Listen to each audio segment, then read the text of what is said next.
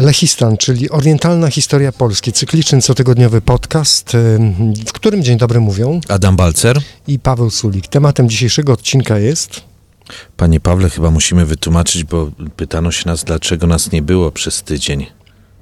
Proszę mówimy wyjaśnić, bo... Przy... Mówi, mówimy prawdę? Czy... Prawdę. Powiedz pan prawdę. No więc udałem się na y, urlop, że się tak wyrażę. Izolowałem się zupełnie i od pracy, i od środowiska miejskiego i po tygodniu, pełen nowej energii, powróciłem do państwa i to jest prawdziwa przyczyna. Nie Dokładnie. Zosta nie zostałem porwany przez Turków i nie, nie było pieniędzy. Adam nie miał pieniędzy, żeby wykupić mnie z niewoli. Nie, to nie był ten schemat.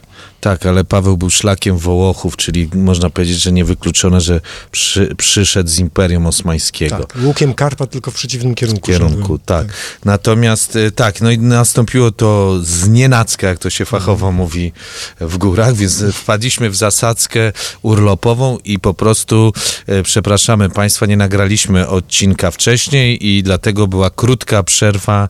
E, tak zwana techniczna. techniczna, tak. Dzisiaj, proszę Państwa, opowiemy o motywach związanych z e, powrotami z niewoli tureckiej tatarskiej. E, płynnie przejdziemy od poprzedniego podcastu, bo tam było sporo o różnych grobach, kurhanach i tak dalej. Teraz też zobaczymy, tylko będzie na przykład o mumiach. I też pokażemy Państwu e, Tatarów i Turków jako jeńców u nas. E, to wszystko w kulturze ludowej. Myślę, że będą Państwo zaskoczeni, ile jest ciekawych motywów. Zacznijmy od mumii bo to bardzo popularny tem temat. Teraz niedawno były bardzo duże odkrycia mumii w Egipcie, więc y, Polacy nie gęsi, nawiązując do Mikołaja Reja, swoje mumie mają. Lechistan. Alternatywna historia Polski. Podcast historyczny Adama Balcera i Pawła Sulika.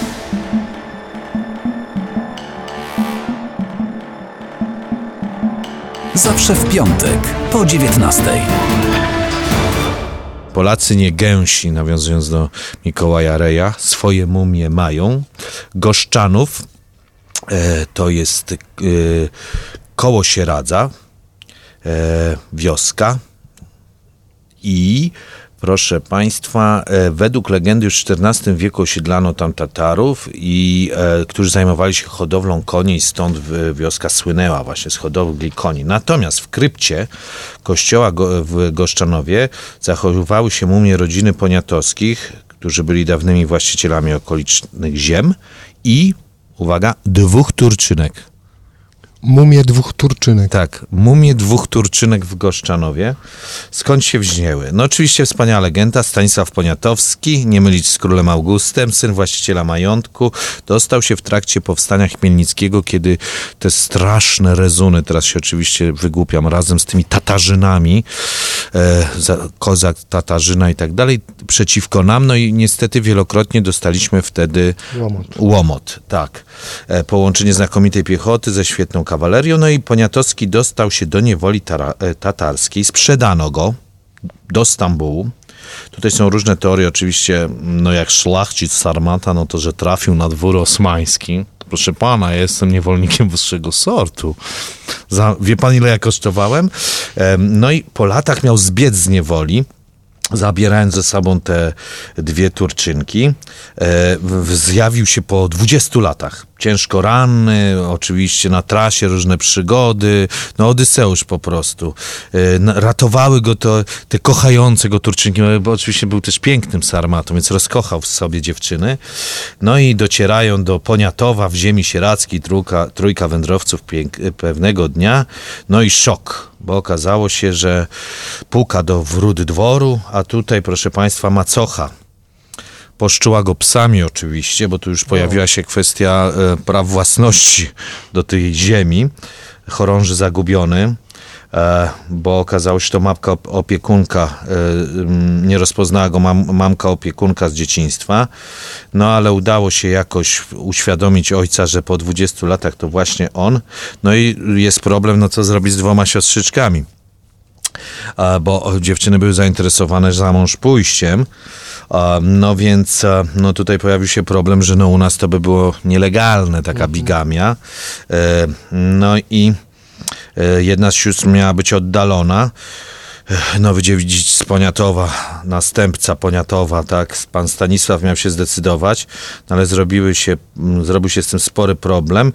Przygotowano słodki wywar z, e, wywar z miodu i korzeni w trakcie oczepin, no i po wypiciu trunku obie siostry dostały nagłych boleści i zmarły. No to rzeczywiście dość radykalne rozwiązanie problemu, że nie można... Tak, i teraz można się pobawić w grę Mafia albo w szwedzki serial kryminalny Kto zabił.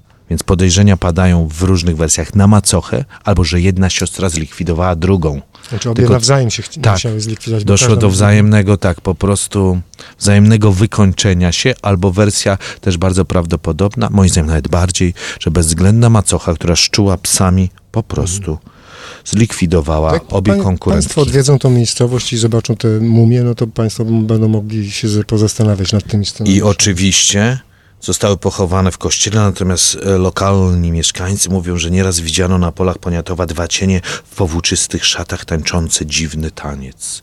Prawie można by to nawet zawiązać do e, Mowlany tańczących derwiszy, Rumiego i tak dalej, dziewczyny tańczące, kręcące się według wo, wokół własnej osi i to właśnie te dwie siostry, które takiego nieszczęścia zaznały na tym ludzkim łez spadole. A i proszę Państwa, teraz cytat z Gazety Codziennej, czasopisma polskiego, 1859, był o tym e, artykuł, proszę Państwa. Tak to zostało opisane, bo to ja swoimi słowami, a tutaj Gazeta Codzienna. Uprowadzony w Jasur przez Tatarów, młody Poniatowski dostał się w podziale pewnemu Baszy tureckiemu, który go wywiózł do Turcji.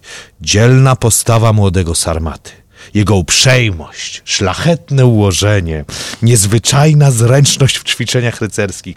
Wszystko to silnie wywarło wrażenie na umyśle Baszy, jego rodziny i domowników. Proszę Państwa, taki chłopak to skarb w domu. Każdy by chciał sobie kupić go na targu w kawie. No, inteligentny, odczytany, znakomity wojownik. Ale mówisz, jak uprzejmość, szlachetne ułożenie, niezwyczajna zręczność w ćwiczeniach rycerskich. To przymioty, na, no. proszę bardzo, przymioty naszego bohatera wzbudziły wkrótce gorące uczucie w sercu starszej córki Basz. Młoda Turczynka pokochana dobnego cudzoziemca z całą namiętnością wschodu. Więzień odpowiedział wzajemnością, a wkrótce cały dwór dowiedział się o niepojętej miłości e, pe, Mahometanki dla niewiernego prawej, czyli takiej prawdziwej, porządnej Mahometanki dla niewiernego Giaura. Inaczej sądził o tym sam Basza. Spostrzegłszy, co się święci, postanowił korzystać z uczuć Sarmaty, zgodził się na połączenie go ze swą córką, ale położył warunek. Przyszły zięć miał przyjąć wiarę Mahometa. Poniatowski odrzucił propozycję. Tak, proszę Państwa, tak się Stasio zachował. Nie dał się, tak jak potem e, Stasio w, w pustyni w puszczy, nie dał się zislamizować. Zdawało się więc, że wszystko już skończone, gdy nagle stary Basza umiera. Wtedy młody Polak porywa swą Bogdankę wraz z jej siostrą. No przy okazji, proszę pana, brałem w pakiecie. Uchodzi potajemnie z niewoli, dostaje się po niesłychanych trudach i niebezpieczeństwach do granic własnej ojczyzny wraz z jej siostrą. Co się dało, co się dalej stało, podanie milczy. Czyli wersja ludowa miejscowa się rozkręciła. To tylko wiadomo, że Turczynki pozostały w Poniatowie, tam zmarły i pochowane są w kościele goszczanowskim. Natomiast to, co Państwu wam wszystko przeczytałem wcześniej, opo- i, znaczy co opowiedziałem, przepraszam, niż prze, nim przeczytałem, no to wszystko jest historia ludowa, czyli tutaj musiało się zakończyć sytuacją sensacyjną, kryminalną, prawdziwym thrillerem i siostrobójstwem albo narzeczonobójstwem. Więc to jest jedna historia i przechodzimy płynnie znowu tutaj z poligamią wersja i Radrusz, powiat lubaczowski, e, województwo podkarpackie. I tutaj jest warowna cerkiew, proszę Państwa, pod wezwaniem świętej Paraskewy i wiąże się z nią legenda. Ten zespół jest w ogóle, w ogóle polecam zwiedzanie, bo to jest zespół taki cerkiewno-obronny. E, Naprawdę robi wrażenie. Wysoka wieża obronna, mury, masywna struktura świątyni, taka naprawdę zamek, do tego grube dechy dębowe i tak dalej. Chłopska warownia kiedyś, tak? Dlatego, że właśnie nawet na drzwiach świątyni można według podań zobaczyć ślady po tatarskich toporach które oczywiście drzwi wytrzymały. I tutaj właśnie po upadku Kamieńca Podolskiego w 1672 roku do niewoli została wzięta żona wójta Maria Dubniewiczowa. Yy, I Według jednej wersji wzięto ją w Jasry, oszczędzając wieś. Według innej Maria ukryła się w zaroślach, ukryła w zaroślach dwóch synów, wyszła z ukrycia, aby o, ocenić niebezpieczeństwo i wtedy została pochwycona jako branka. Czyli za każdym przypadkiem piękny gest naszej Marii, która poświęciła się dla synów albo dla całej wsi. No więc na początku Kamieniec, potem Stambuł, w niewoli 27 lat. No ale tak to było, że proszę Państwa, dorobiła się naprawdę dużego majątku. No znowu, tym razem piękna, jak Państwo zaraz zobaczą, e, Ukrainka. No więc to jest, w, można powiedzieć, zaraz e, to zobaczymy, Roxolana w wersji ludowej. Oczywiście zakochał się w nią e, bogaty pasza, po prostu do szaleństwa e, i Stała się oczywiście jedną z najpotężniejszych kobiet na dworze, to wszystko w ludowych tych opowieściach z Radróży. Nie tylko Rochatyń ma swoją Roxolanę, Radróża nie jest e, gorsza. Przypomnijmy, Roxolana to żona Sulejmana, wspaniałego bohaterka serialu bardzo popularnego w Polsce Wspaniały Wiek. No ale umarł pewnego dnia Pasza, no i y, Dubniewiczowa odzyskała wolność i w roku 1699, czyli koniec wojen polsko-tureckich, wraca do rodzinnej wsi. I są dwie wersje. Albo kosztowności schowała w dyszlu wozu, na którym jechała w nędznym przebraniu, udawała incognito, jak to się żartujemy, prawda? Incognito przebyła.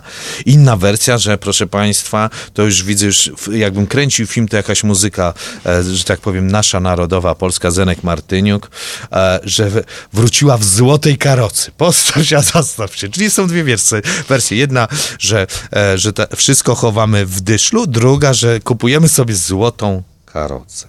I przywiozła ze sobą złotą figurkę Matki Boskiej, którą można podziwiać w cerkwi. Do, można było do ostatniej wojny, potem zaginęła.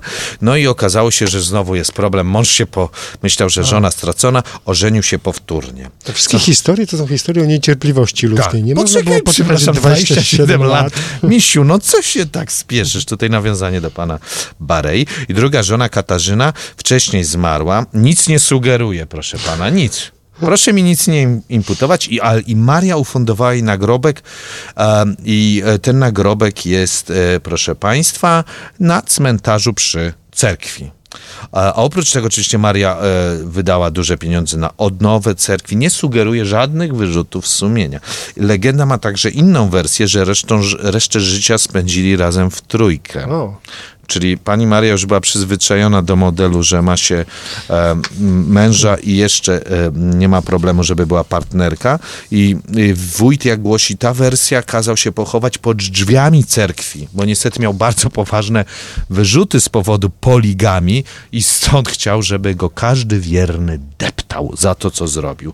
I w Archiwum Państwowym Przemyślu w aktach cerkiewnych zapisano starocerkiewno-słowiańskim językiem coś takiego w krótkiej historii o kobicie z więźnia Tatarów przybyłej. Kronika sławetnie urodzonego sługi Bożego Eliasza Dubniewicza i żony jego Marii, która wzięta do Kamienica Podolskiego w 1672 do niewoli tureckiej do Konstantynopola, wywieziona i sprzedana, przebywała przez lat 27 dzięki miłosiernemu Bogu, e, powrócona do ojczyzny swojej w roku pańskim 1699. Wcześniej mówiłeś, że i ten bogaty pasza zmarł. No właśnie, brak tych informacji dotyczących majątku, ale co pan teraz ją chce lustrować? Nie, bynajmniej. Panią Marię? Jak doszła do takich bogactw do tej złotej karocy? Przestań pan. E, no więc, proszę Państwa, teraz druga część naszej historii, czyli fakt, że nie jeden ordyniec, albo Janczar, Turek, e, Albańczyk, Bośniak, bo pamiętajmy, że tam też było multikulti, po, po niewoli zostawał nad Wisłą, tak? Dostawał się do niewoli, tak? Bo przez kilkaset lat to zaczęło się jeszcze w średniowieczu, kiedy dostajemy na przykład do niewoli połowców, ten lud e, turecki, koczowniczy i mamy ich osiedlanych w różnych częściach Polski i e, asymilują się i przy dworach, zamkach, pałacach mamy według inwentarzy tatarnie. Czy mają Państwo budynek, w którym trzymano tatarskich jeńców? Misiu, pójdź do, pójdź do tatarni, przy, przywieź, przynieś dwóch panów, bo trzeba porąbać drewno. E, na przykład u Sobieskich i w, i w Żółkwi, i Złoczowie były tatarnie. I Tatarzy byli wykorzystywani do tak zwanej ciężkiej roboty. Nazwijmy rzecz po imieniu, bo o tym się często zapomina. Oni byli po prostu niewolnikami nie chłopami pańszczyźnianymi. Ich status był gorszy. Wykuli według legend na przykład 90 metrową studnie na zamku w Niedzicy. Wznieśli kościół w, w niebowzięcie Najświętszej Marii e, w Kraśniku, co upamiętnia porta, na portalu Kamienna Głowa w Turbanie.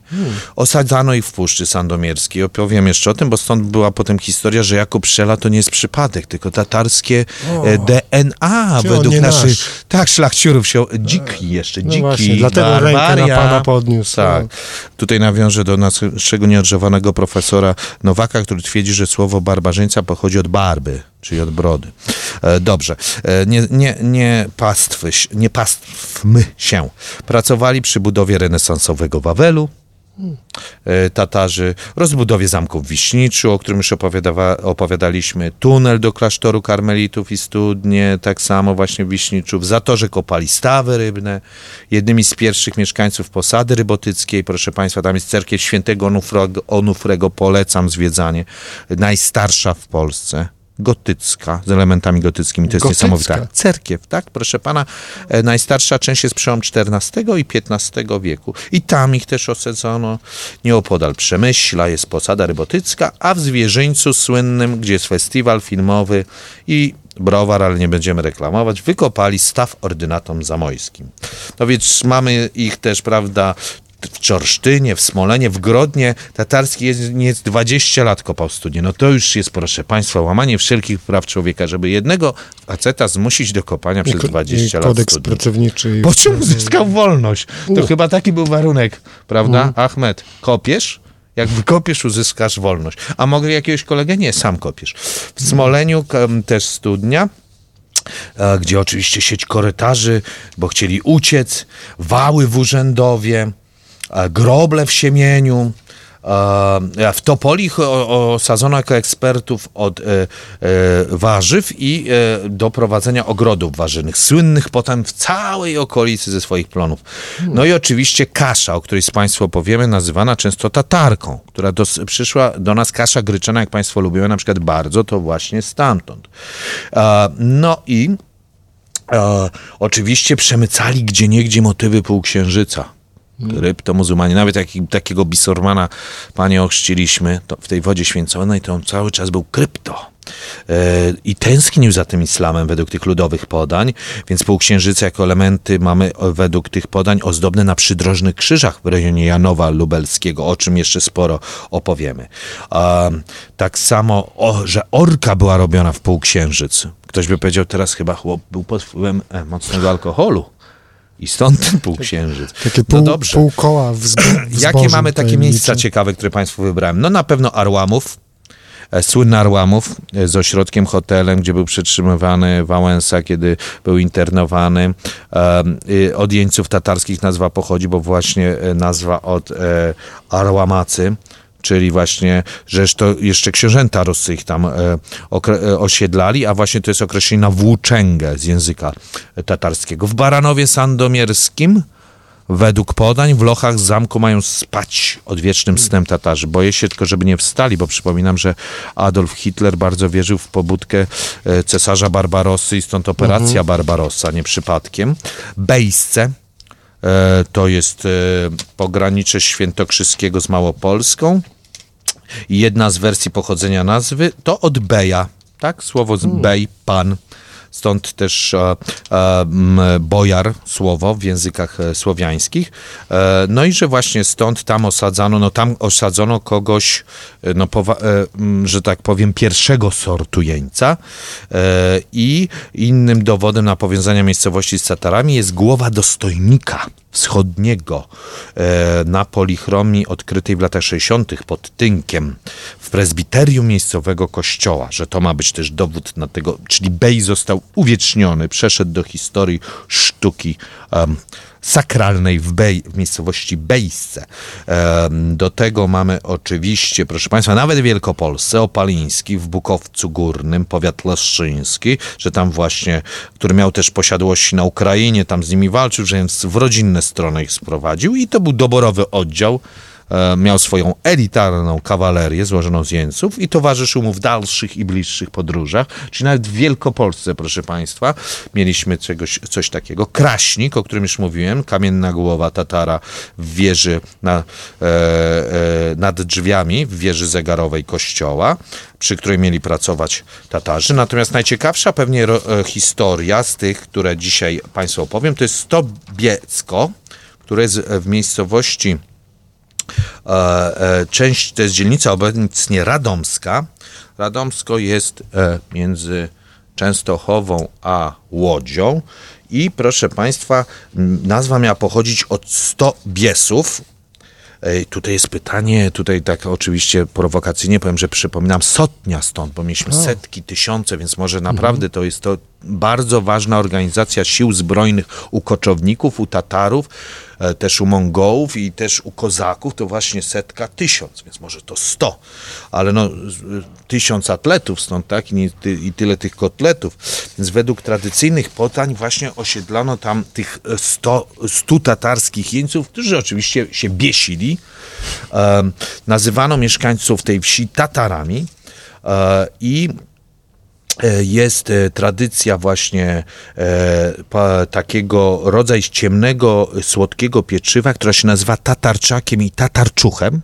Związana z tym miejscem właśnie jest wpisana na listę dań regionalnych i wytwarza się ją z mąki gryczanej, określanej w wielu regionach Polski, proszę Państwa, jaka tatarka, ponieważ kasza gryczana właśnie trafiła do nas e, stamtąd, stąd też czasami nazywano ją poganką.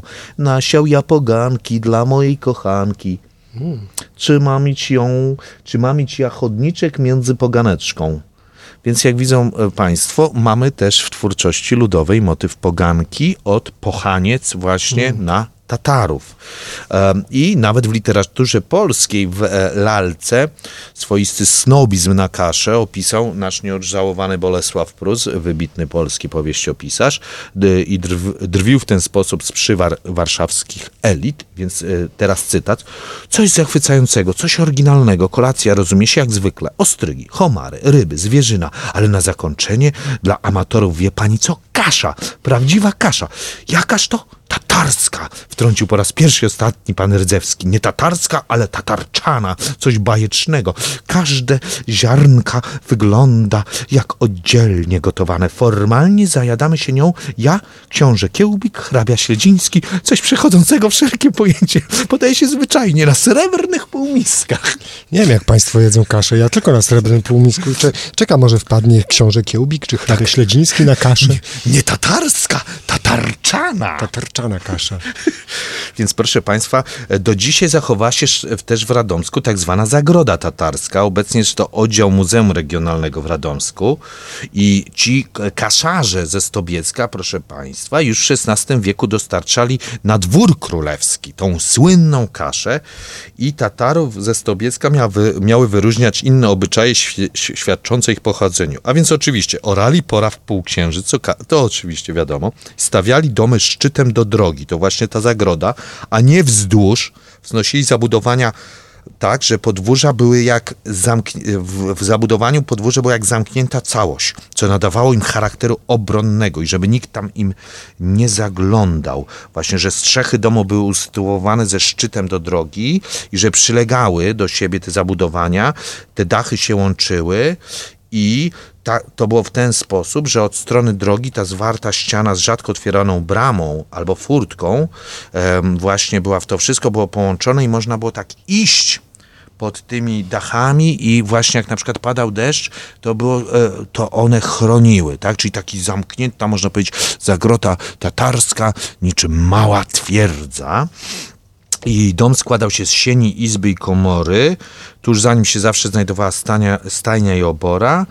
I e, e, właśnie można było e, pod tymi słomianymi okapami, tak jak powiedziałem, sobie przechodzić mimo silnego, e, silnego deszczu. E, I e, jadąc wieczorem podróżny, proszę Państwa, bo okna były do środka, nie widział żadnych świateł.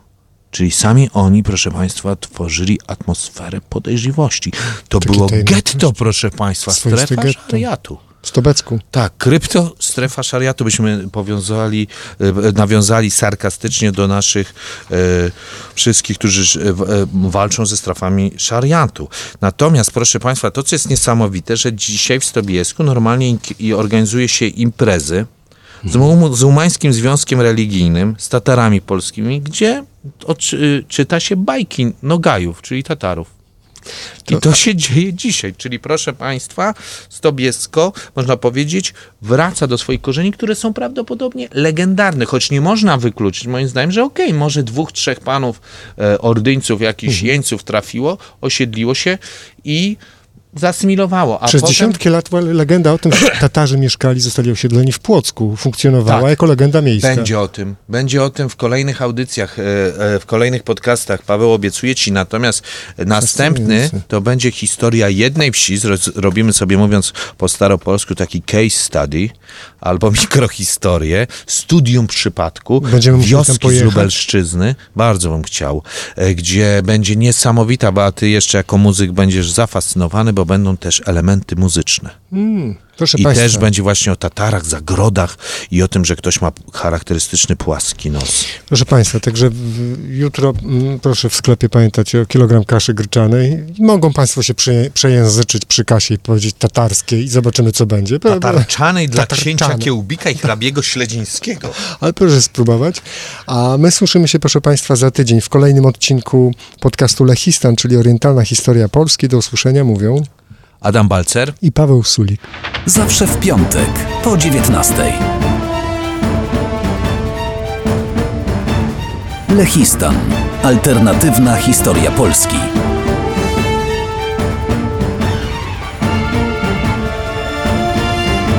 Tylko na tokefm.pl i w naszej aplikacji mobilnej. Kolejny odcinek za tydzień w piątek po 19.